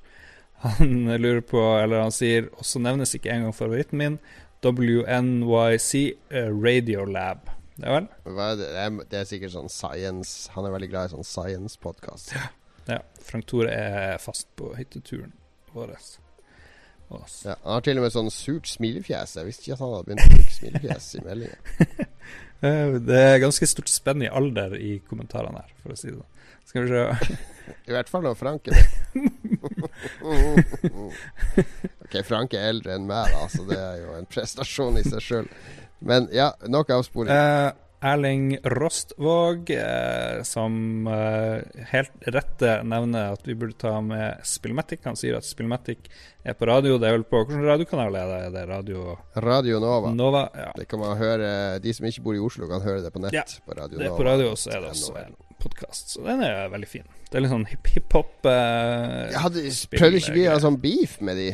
De hadde de begynte, tror jeg. Eller var det vi som begynte? Ja, nei, vi prøvde. Det var vi fordi vi ville opp og frem. Så det er det beste måten for unge rappere å komme opp og frem på, det er å starte en beef med litt eh, etablerte. Har du helt rett. Jeg ikke hør på Erling Rostvåg og Spillmatic. Det er jævla Ja, Vi tør ikke ha beef med de nå lenger, Fordi nå har de fått med Thomas Malinowski i redaksjonen, og han banker alle oss på med én hånd. Så det Han er, han er ei kjerring, han fyren du nevnte.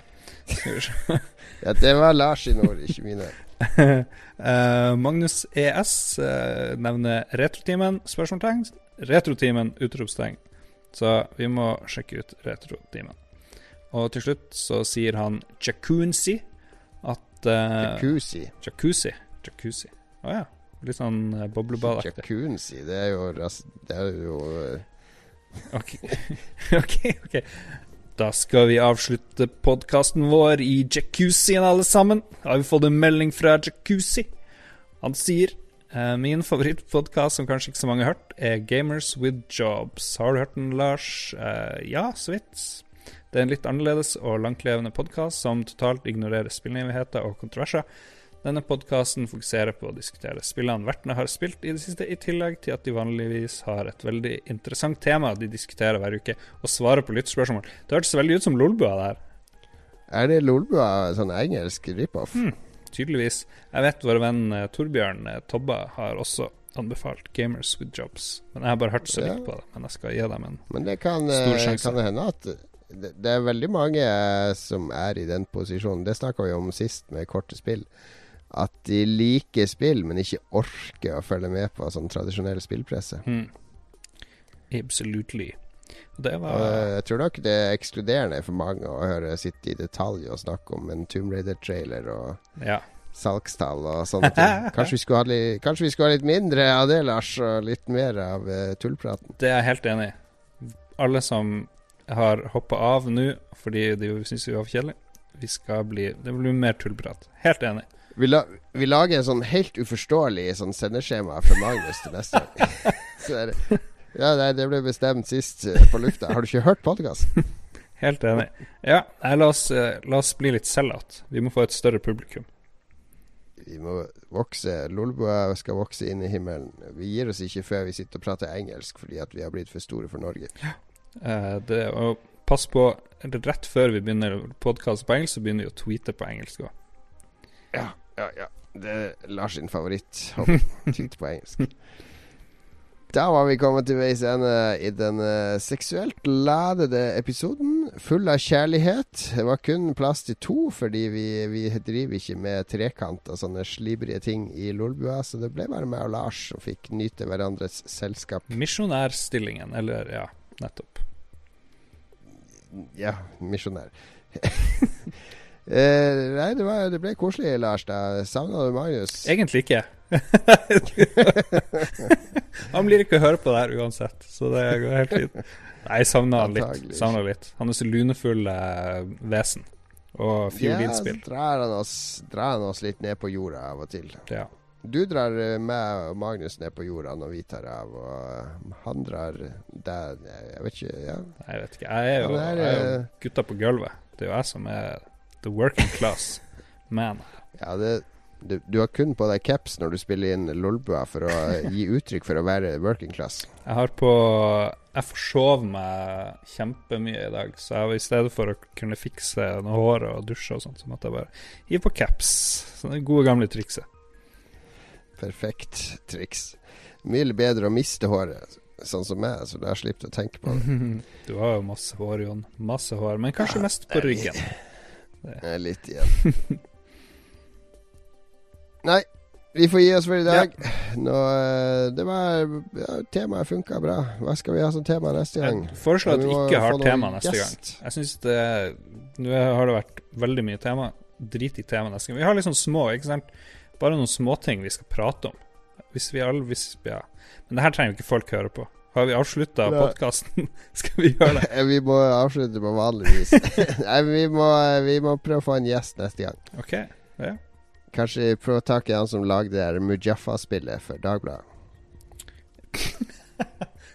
Jesus. Ja, gjerne det. Han er sikkert norsk. Eh, vi er tilbake om en uke uh, med kanskje ikke tema, men forhåpentligvis med en gjest. Men i hvert fall så skal vi ha tilbake den glade sørlending Julius Magnus uh, Tellefsen. Jul I mellomtida Ja. så kan Det er bare rot her. Beklager. Jeg driver og Det ble veldig rotete avslutning, men jeg uh, husker at jeg jobba hele dag og kjørte loppe i hele kveld, og nå sitter jeg og prater skit med Lars i to timer. Nå er jeg sliten. Nå må jeg ha mat og gå og legge meg. Sjekk oss ut på lolbua.no. Der kan du sjekke ut Lars sin liste over de beste podkastene akkurat nå. Eh, sjekk oss også ut på Twitter, at Lolbua, Facebook. Søk på Lolbua, så finner du oss der òg. du finner oss også på iTunes. Hvis folk har, har lyst og gidd, så er det veldig kult om de legger inn en kommentar og uh, noen stjerner på iTunes, for da tror jeg vi klatrer opp på den lista. Men jeg vet ikke om det har så mye å si. Jo da, gjør det. Oss stjerne. Gjør det, gjør det, så får vi se om det har noen effekt. Så kommer vi oss litt opp der. Vi må gjøre det sjøl òg, Jon. Vi må gi oss masse stjerner. Jeg tror jeg har gjort det. Med alle mine 20 identiteter på iTunes. Ja, den japanske. Vi gir oss for i kveld. Vi er tilbake om en uke. Takk for i dag. Ha det bra. Ha det. Har du et enkeltpersonforetak eller en liten bedrift? Da er du sikkert lei av å høre meg snakke om hvor enkelt det er med kvitteringer og bilag i fiken, så vi eh, gir oss her, vi. Fordi vi liker enkelt. Fiken superenkelt regnskap.